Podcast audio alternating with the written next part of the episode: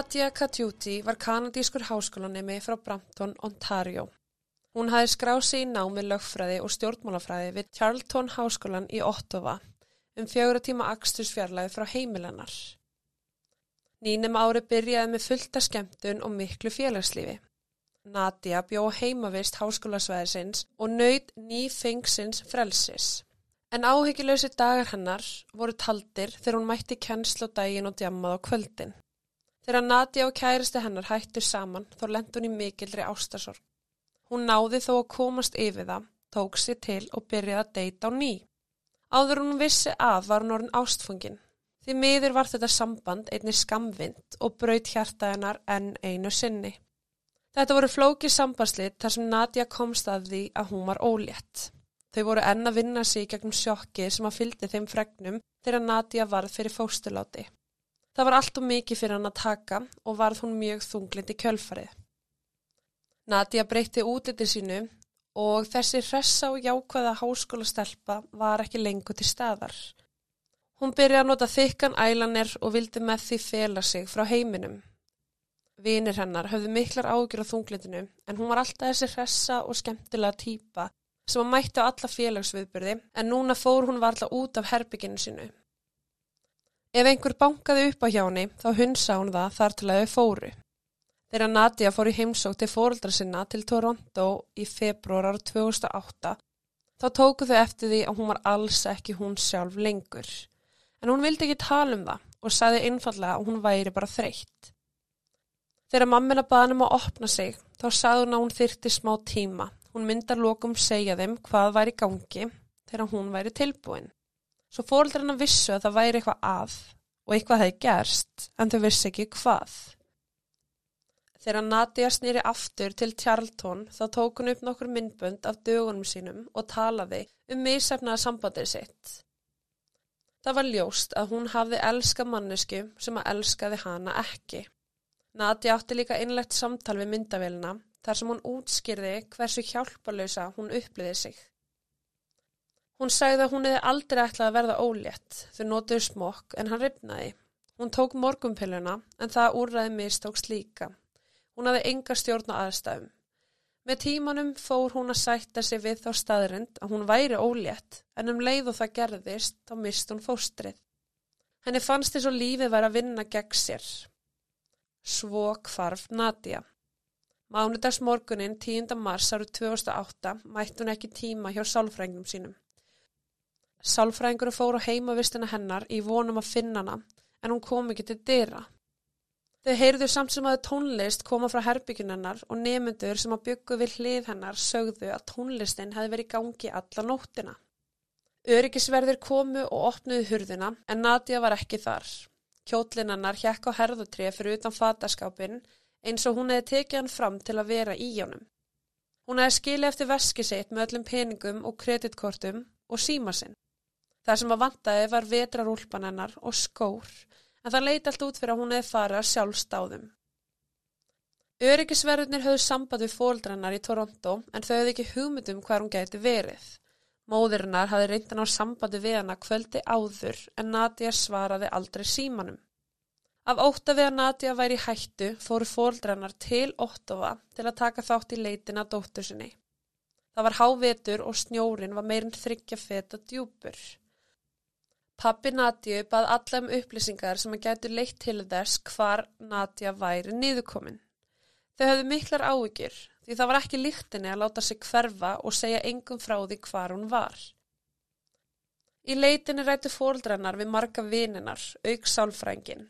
Þeim brá þegar þau fréttum andlet ástandennar áður nú hvarf. Vinir hennar sögðu frá andfélagslegri hegðunennar og að hún hefði eitt mestum tíma sínum í herbygginu. Sálfrængurinn sagði fóldrumennar að hún ætti erfitt með svepp og væri með skapsveplur. Hann ávísaði henni svepptöflur og þunglinsleifjum og hafði hún oft talað um að vilja binda enda á lífsitt. Þau fréttu líkum atvik á veitingarstað þar sem Nadia hjælt á rakvilablöðum í höndunum. Það endaði með því að hún var búin að skera í hendunar á sér og lögurglum var köllu til. Hún hafði uppráðlega mætt á veitingastæðin til að byggja um hjálp. En eftir aðvikið var henni fyllt aftur á heimavistina. Fóreldrannar höfði ekki hugmyndum með þessar sjálfsvíks hugsanir. Þau vissa ástalífið hennar var í mólum en átti þess ekki á því hversu djúft hún væri sokkin í þunglindi. Þrátt fyrir að Nati hafi fengið ráðgjöf þá virtist enginn vera hlusta á það þegar hún sagði að hún væri örvandikafull, þreytt og hún þráði hamingu. Í myndbannstagabók sinni sagðist hún vera pyrruð yfir því að það væri engin að taka því alvarlega að hún vildi binda enda á lífsitt. Vikum eftir hún sást síðast voru allir enna leita af henni. Lörglan rannsakaði tölvunennar og komst að því að hún hafi verið á mörgum sjálfsvíks síðum. Hún hafi rannsakað aðferðir og spjalla við aðra um það. Nati eiti miklu tíma á netinu og tengdist fólki allstaðar frá. Hún kynntist meðal annars hjókurnafræði nefnanum Kami D og fannst loksins eins og einhver myndir skilja hvað hún var í gangi gegnum. Eins og Nadia þá átti Kami D í erfileikum með hæðir og læðir í lífinu og var einnig að hugsa um að binda enda á það. Fóreldra Nadiu lásu samtölinn milli þeirra og höfðu enn meira áhyggjur af öryggi dóttur sinnar. Nadia vísaði til sjálfsvíks sem catching the bus sem er algengt hugtak sem notað er en þá er hugtæki ofstitt sem CTB í samtölum á netinu. Nadia sagði Kamidi að hún ætlaði að reyna að stökka til dauða en Kamidi stakka upp á því að hún myndi hengja sig í staðin og spurði hvort hún geti tekið sig upp þegar hún gerði það, sem væri hluti af sjálfsvíks sáttmála þeirra á milli. Sem hjógrunafræðingur þá gæti hún hort á Nadju og í beitni útsendingu hjálpaði henni að framkoma áhullin sína á afdrifaríkan hátt. Síðan, þegar hún hafi lokið sínu af, þá myndi Kamiti gera það sama. Samtala á milli þeirra var meðal annars, þar sem Nadia segir, það er mikill léttir að geta tala vikund um þessar hluti. Kamiti svarar flott, ég er ekki að reyna að segja þér hvernig á að gera það, ég er bara að deila með þér minni reynslu og skoðunum, það er allt og sumt. Nadia segir, ég skil, við viljum það sem er best fyrir hvort annað. Og Kami svarar, Já, auðvitað. Ég vil ekki þegar mistakist þetta og endir með heilaskaða. Nadja segir það væri það versta. Og Kami segir, Guð með góður, já, ég sé það allt og oft gerast. Nadja segir, hvað hefur þú séð? Og Kami svarar, ég er ekki reyna að hræða þig, ekki miskila mig. Ég sé fjöldan allan að misöfnum ofskömmdum og slæmum úlið skurðum og nokkrum misöfnum stökkum. Í sjö ár hef ég aldrei sem misöfnaða hengingu. Þess vegna valdi ég það fyrir mig. Þrátt fyrir að Kamiti hafi haldið í fram að henging væri besta aðferðin þá líkaði Nadju það ekki. Hún vildi ekki að dauðina líti út eins og sjálfsmorð. Hún trúði því að ef dauði hennar yrði slis væri auðveldra fyrir fjölskylduna og vini að takast á við það. Áallin hennar var að útbúa skautaslis. Hún hefði komið auða á sprungu í ísnum undir nærlegjandi brún og hún hjælt að ef hún fjalli gegnum ísin með skautana á sér þá myndi enginn vita að þetta væri hannar eigin verk. Hún vissi að hún myndi ná árangri vegna þess að ef hún druknaði ekki þá myndi hún að minnstakosti deyja úr ofkælingu. Kamiti var ekki sammálinni. Hún hjælti fram að henging var í eina leiðin. Og ef þær getur gert það saman þá væri þetta ekkert svo skelvilegt. Þegar Nadia stoppaði eina mínútu til að íhuga þennan valkost var Kamidi fljóta að gefa upp sérstakar leiðbyrningar.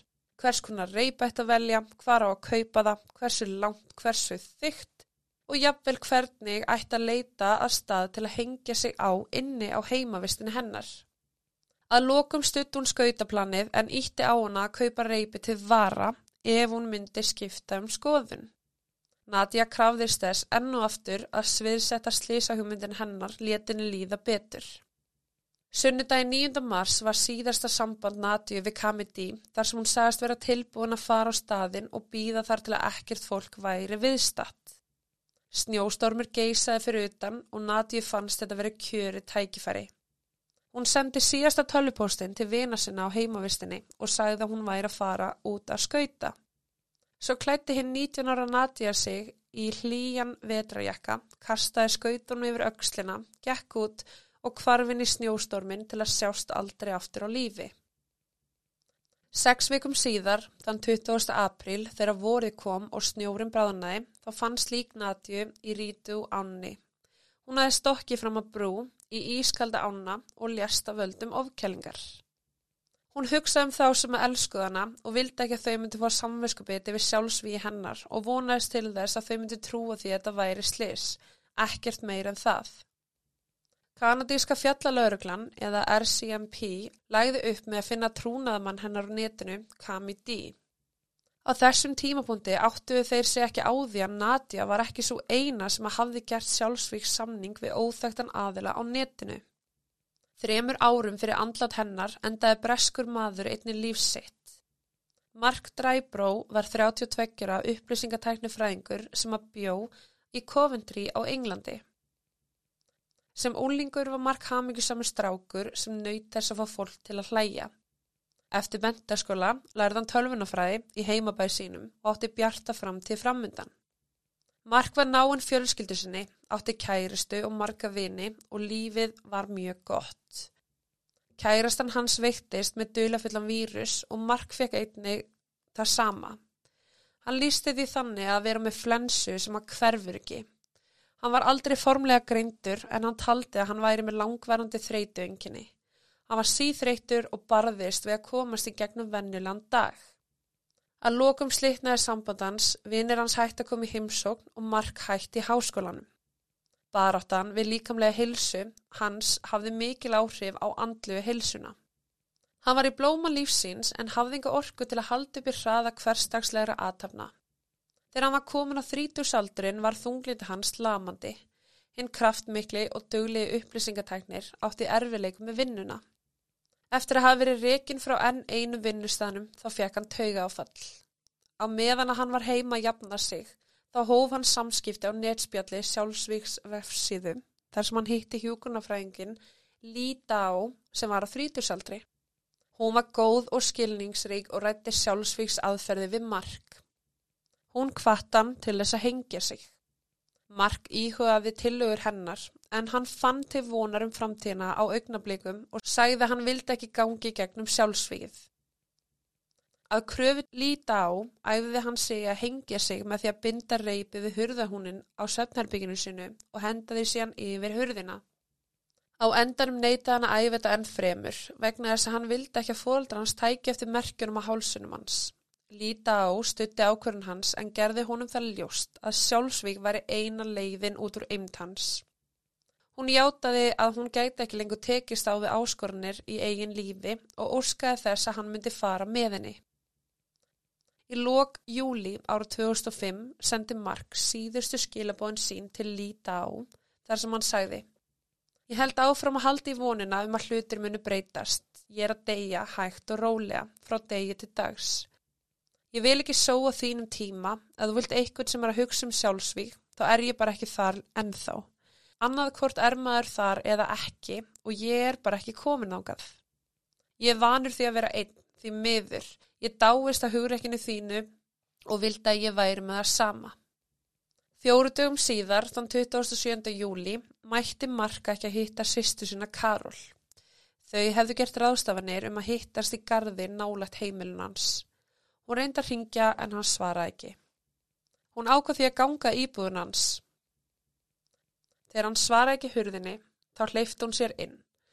Það var minnismiði fyrir hana með rítönd mark sem að sagði, vinsalegast ringdi laurugluna, ekki fara upp, farðu heim, skilaðu miðanum til lauruglunar. Karól að sjálfsögðu hunsaði beðnans og hljópi upp á efri hana til þess eins að finna líkbróður síns í svefnarbygginu. Mark hafi heint sig með reypi bundi við stegan eins og líta á hafi fyrirskipa honum að gera. Dána dómstöri fann Mar vinstra meina hálsi mark þar sem að líta á hafi stungið upp á því að hann myndi hnýta hnútin svo hann myndi fljótt verða meðutundalus. Ekki lungu eftir dauða mark. Þá hafði Selja Blei og Kat Ló tengt ypjartölur notendana líta á, Kamidi og Falcon Girl saman. Líkt og gerist með Nati og Mark þá hafði Kat einni gerð sjálfsvíksamning við Kami D en hún skipt um skoðun þegar hún átti að þessi á því að hún var ekki svo eina. Hún var mjög neyksluð að sjá að Kami D notaði sömu blekkingar við aðra aðila. Margir opnuðu sig við Kami D og hún hétt því að styðja þau til enda og að endanum myndi þau öll catch the bus saman. Á þessum tíma las Kat nokkra færslur sem Silja hafði skrifað inn á þráðin. Hún hafði samband við hana og vildi vara við Kamidi. Það er saman ætluð sér að afhjúpa manneskina á bakvið skjáin sem var að hvetja fólk í sjálfsmorð. Þær fyldust vel með vefsíðinni og sárnaði hversu marga falska sjálfsvíkssamninga hjúgrunafræðingurinn hafði gert. En hún myndi ekki aðeins hvetja til þess, heldur nöytun þess að sjá ungmenni skada sjálfa sig. Kamiti stakka upp á því við eina unga konu að binda enda á lífsitt með því að skera sig með rakvilarblöðum. Tótnin hennar var alltaf ummyggjusamur og ljúfur. Hún notaði hugtök eins og ég veit elskan og skrifaði alltaf knús. Hún virtist aðeins svara þeim allra örvendingafullum eins og þessi skilabóður sem einn meðlumur sendi frá sér en hann sagði ég ætla að degi kvöld, punktur. Innan nokkra mínúta hafi Falkongörl svarað skoðaði tölupóstiðin. Þetta var dæmigert minnstur hjá henni. Hún fann fólk sem var tilbúið til að taka skrefið, hóf enga samtölu við þau, veitti þeim huggun, skref fyrir skref leiðbynningar og í öllum tilvikum bað hún aðlunum að taka sig upp á mynda vél. Sílja skrifaði á opnum spjallborðum og varaði fólki við líta á, kamidi og falkongörl. Þrátt fyrir að vefsíðan hafi aðalega verið heimsóta fólki með sjálfsvís hugsanir var þetta einni stuðningur fyrir aðstandendur og alla þá sem að vildur ræða þetta málefni. Flestir meðlimir kvöttu hvort annað til þess að leita hjálpar og buðust oft til að spjalla og margir sem að höfðu verið samskiptu við líta á fannst um frekar þröngsín og svartsín á hlutina. Þetta á í raun að vera stuðningsíðar sem hjálpa þér með hugsanir en aðilin á bakvið skjáin var í raun að hvetja fólk áfram. Hinn 22 ára gamli Nikola Trifunovic frá Kroatíu skrifaði á spjallborðið að hann sæi ekki aðra leið en að hingja sig. Líta á svaraði strax að tugaðu tölupústein. Þau tvö urðu mjög náinn á sex mánuða tímabili. Líta á hjælti fram að hún væri tilbúin en ætlaði að býða með það þar til Nikola væri líka tilbúin. Þau voru í miklum samskiptum og var Líta á reglulega að undirbúa hann undir sjálfsvíð veitunum stuðning og önnur tips. Nikola sá að nokkri aðilar voru að spurjum líta á inn á spjallrásinni þar sem hún hafði ekki verið að setja neitt inn síðustu daga og hafði ágjur af því hvort hún hefði látið verða af áallin sinni. Nikola stökkin í samtalið og sagði að hann hefði verið í sambandi við hana daginn áður og hún ætlaði ekki að svifta sér lífi strax því hún var að býða eftir því að Nikola væri sjálfur tilbúin. Einhver aðili svaraði, sagði hún þér það líka? Stutti eftir það fekk Nikola tölvupóst frá Lítá en skilabón voru ekki frá henni, heldur móðurinnar, Sápir Seng.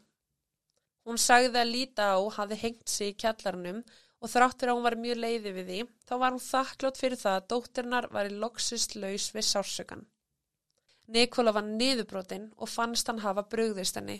Hann uppliði ákveðna skildu að gangi gegn með sáttmólan sem að þau hefðu gert sín á milli og reyndi sitt besta í að framkama sinn part. Á meðan Nikola var að gera loka ráðstafanir þá sá hann nafnið hennar koma upp á öðrum spjallfræði. Hann sá lita á spjalla við aðra á nákvæmlega sama hátt og hún hefði talað við hann. Hann áttaði sig á því að hún væri ekki svo sem að hún sagðist vera. Aðra hafi grunaða en hann varðan alltaf. En nú vissi hann það fyrir víst. Hann skrifaði undir sama spjallfræð og sagði Þetta er ekki líta á, ekki líta á sem við þekkjum. Hún er ekki til Það er ykkur að fokki okkur. Í Breitlandi höfður Sílja og Katt frétt af hörmulega dauða Mark og ákveða að hafa samband við móður hans. Hún sagði að sonurinnar hafi verið góður strákur en að hann hafi eitt mestum tíma sínum fyrir framann tölvuna. Hún deildi samtölum Mark við líta á með Sílju og Katt. Þó að Mark hafi líka verið í sambandi við einhvern að nafni Falcon Girl þá var það líta á sem kvattan til þess að hengja sig. Hún sendi einni ítaljan tölvupóst til Mark þar sem hún gaf honum skref fyrir skref leiðbynningar hvernig hann ætti að skipulegja og framkvæma sjálfsvíð. Móður hans hétti að vinna með Síli og Katt til að afhjúpa þessa mannesku sem var á bakvið skjáun. Dag eitt voru Síli og Katt í spjallarás á netinu með Kamidi þegar vefmyndavelinannar fór óvart í gang. Á sekundu broti sáu Síli og Katt að Kamidi var ekki ung kvennkins hjúgrunafrængur Hún var í rauninni miðaldra karlmaður. Sília hugsaði fljótt og tók skjáskot með farsimannum sínum. Hún bar myndina saman við mynda Karl og konu sem Kamidi hafði sendt katt áður. Kamidi sagðist vera konan á myndinni, miðaldra kona með hlílegt brós.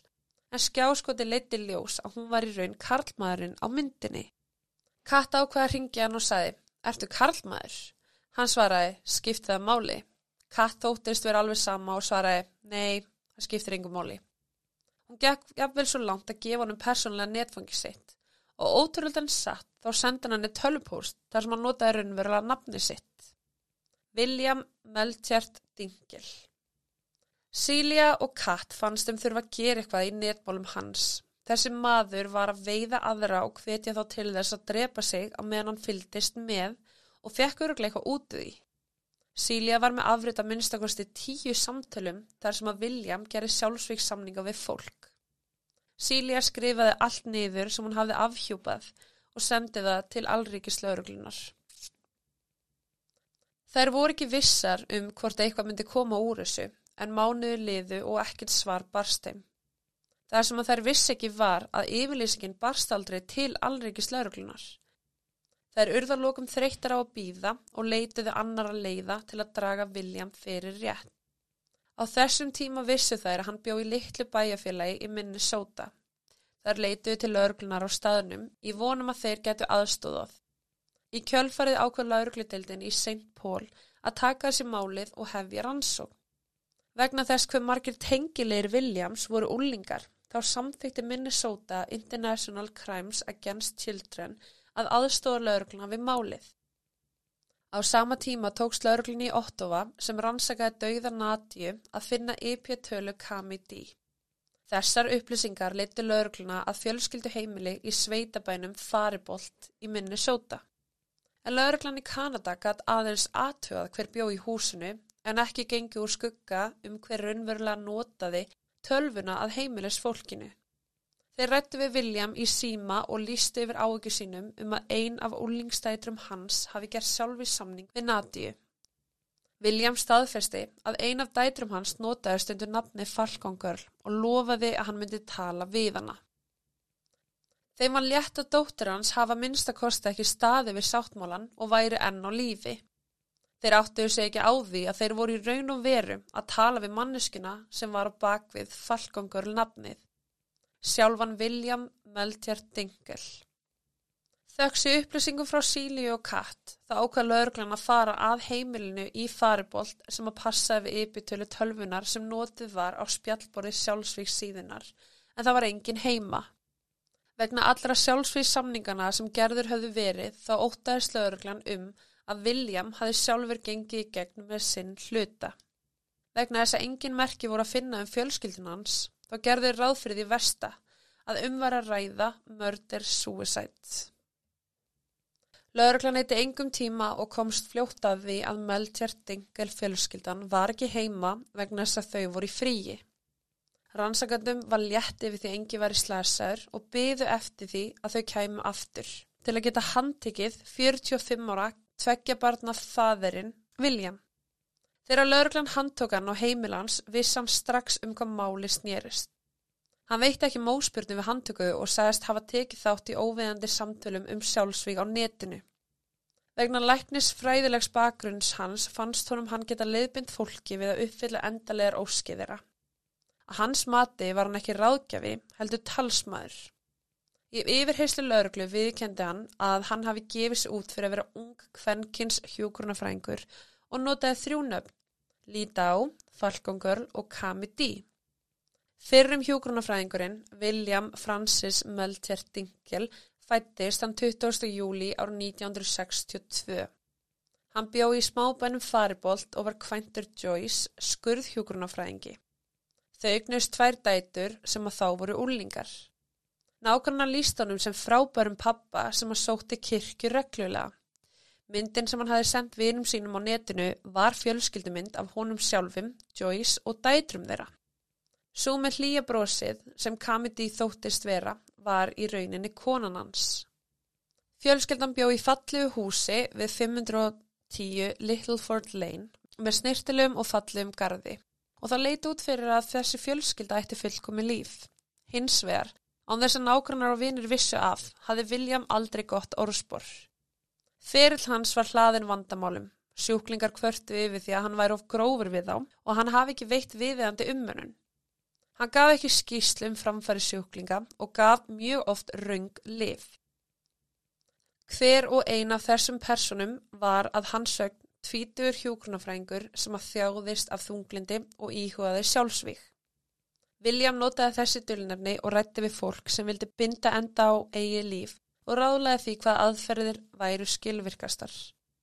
Hann eitti óteljandi klukkustundum á fimm árum í að tala við fólk um sjálfsvík. Ákjósalega aðferð hans var henging og endanum hann gert meira en tíu sjálfsvík sáttmála við fólk aðalega unga úrlinga allstaðar að úr heiminum. Eftir að lauruglan hafði haft samband við William um dauða Nadju þá var hann ávikifullur og heimsætti bráðamótökuna á sjúgrósinu þar sem hann bjó. Hann sagðist vera með sjálfsvíks þettis og hann var háður sjálfsvíks síðum á netinu. Hjókurna leifið hans var afturkallað, ekki aðeins vegna siðlausar hegðunar hans heldur einni vegna siðlaus starfsferils. Lörglan tók sér samt tíma til að handtaka hann. Það pyrrandi er að Sília fór til lörglunar í Breitlandi áður en að Nadia batt enda á lífsitt. Að öllum líkindum, án kvartningar vilja, öðru nafni Kamidi, þá hefði Nadia geta verið bjargað ef lörglan hefði fyllt eftir upplýsingunum sem að Sília gaf þeim. Lörglan í St. Paul gerði upptaka tölvu Williams.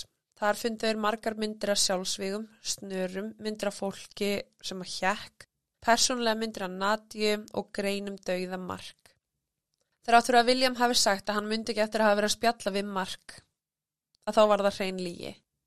Meðan William beði réttarhalda mátti hann ekki nota interneti á nokkund hátt. Hvernig fylgst var með því eða hvort hann hafi farið eftir því vitu við raun ekki.